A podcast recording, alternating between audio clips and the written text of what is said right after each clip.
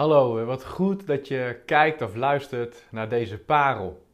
Het is vandaag 6 september, the day after. It's your church. 50 uur aanbidden en bidden. Was u erbij? Was jij erbij? Ik was erbij en ik vond het geweldig. Het begon vrijdagavond met Arjan Zanting en Eline Bakker.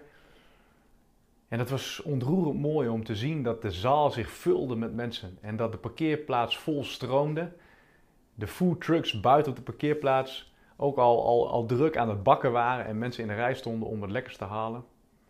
Maar bovenal was het ontroerend om uiteindelijk samen met één stem Jezus te aanbidden. Het mooie lied Jezus overwinnaar klonk en schalde door de boksen. En ik vond het mooi. Ik heb genoten. He, zonder dat ik het hele programma bij langs loop en mijn eigen ervaringen van uur tot uur deel, ik toch zeggen dat ik, dat ik het ergens een combinatie vond tussen Into His Presence uit 2018 en In His Presence 2019 en onze jaarlijkse open huisdagen, waarbij de kerk volstroomde met gasten.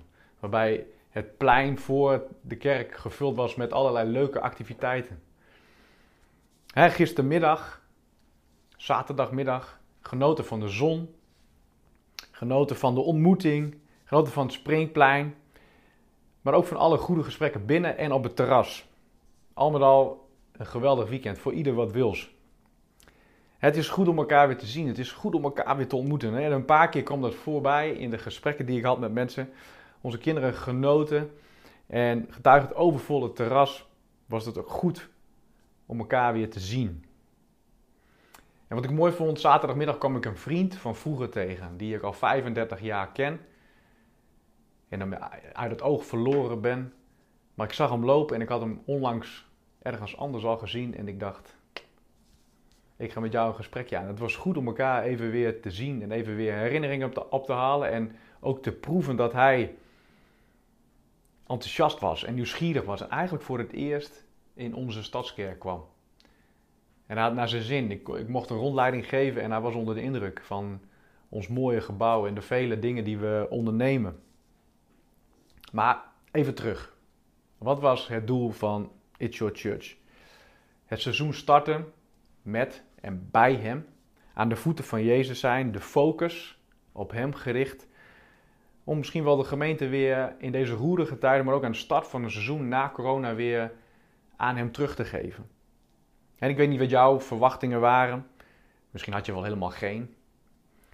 Ik had ze wel. En ondanks dat ik absoluut niet teleurgesteld ben, merk ik toch wel dat, ik me niet volledig, dat het me niet volledig gelukt is om mijn focus op hem te hebben.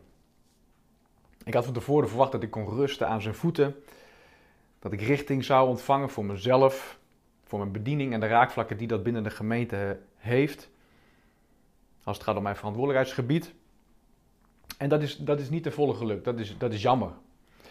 En ik kan heel eerlijk zijn, ik had samen met een aantal andere mensen van het communicatieteam de taken op me genomen om dit weekend ook op een goede manier vast te leggen.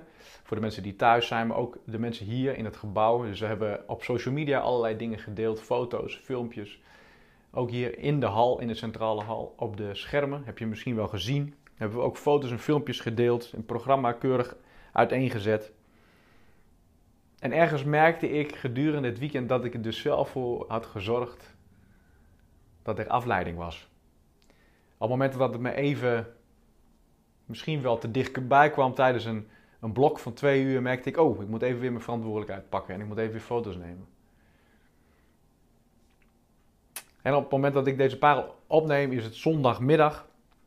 En ik kan heel eerlijk zeggen, ik vind het zo mooi hoe geduldig en liefdevol God is. Ik heb me hierin zo gekend gevoeld. Waar ik vrijdagavond nog zo druk in mijn hoofd was, mijn deel van de organisatie voor dit weekend zat erop.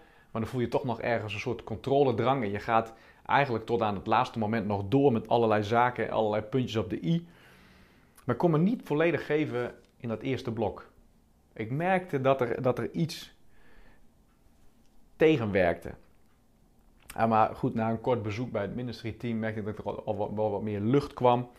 En stapje voor stapje werd ik wel weer wat vrijer. En ik, ik weet niet of je dat herkent.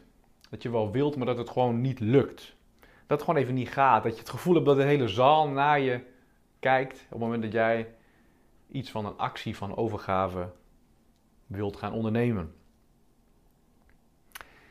dit is best een hele vervelende worsteling, vind ik zelf. En tegelijkertijd, het hoort er ook een beetje bij. En misschien herken je je daar wel in. Dat je je ja, niet zo goed kunt focussen. Dat je je niet direct vrij voelt op het moment dat je de zaal binnenstapt. En ik denk dat het niet altijd alleen maar te maken heeft met, ach joh, leg het maar even af en kies er maar voor. Soms dan lukt dat gewoon even niet. En ik, ik wil tegen je zeggen, God kent jouw hart, God kent mijn hart en het is goed. Hij weet dat je het graag wilt, maar dat het soms gewoon ook even niet lukt.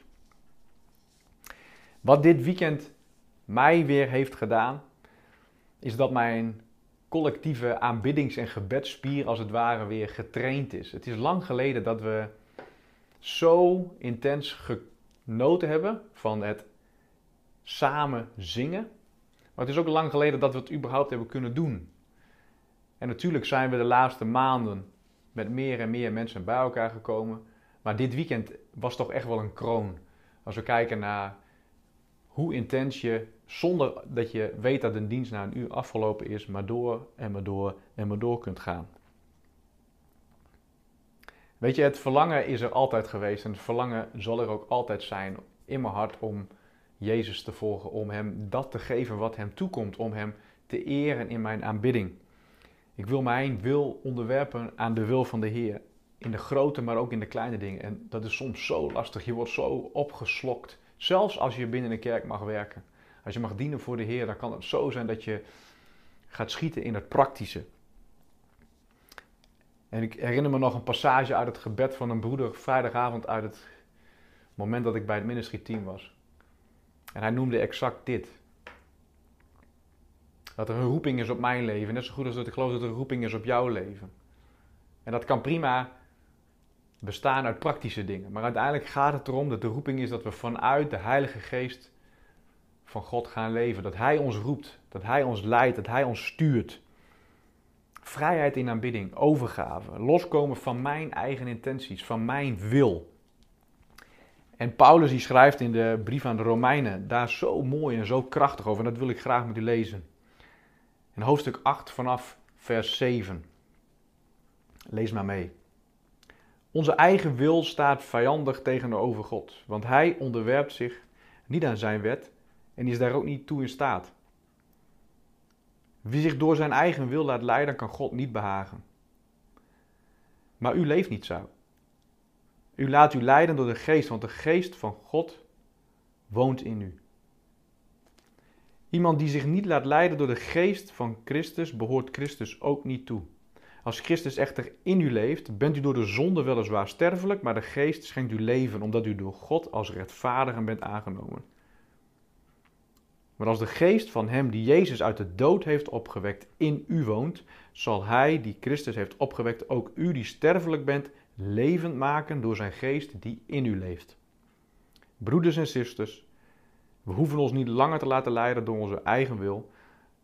Als u dat wel doet, zult u zeker sterven. Als u echter uw zondige wil doodt door de geest, zult u leven. Allen die door de geest van God worden geleid, zijn kinderen van God. U hebt de geest niet ontvangen om opnieuw als slaven in angst te leven. U hebt de geest ontvangen om Gods kinderen te zijn en om Hem te kunnen aanroepen met Abba, Vader. De geest zelf verzekert onze geest dat wij Gods kinderen zijn.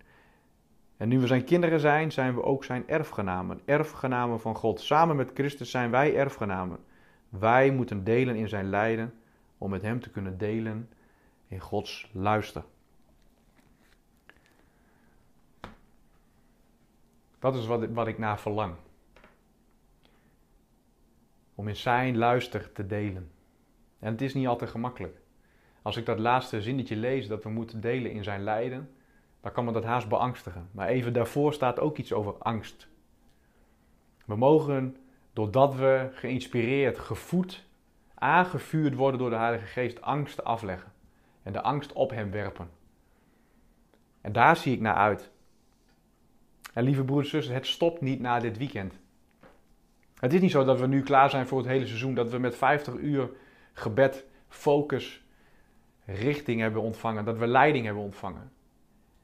Ik zie het als een startschot om meer en meer bij Hem te zijn. Ik zie er ook weer naar uit om gebedsbijeenkomsten te hebben. Om nachten te bidden met mannen. Zodra de maatregelen ook steeds meer en meer dat toelaten, dan gaan we dat ook weer organiseren.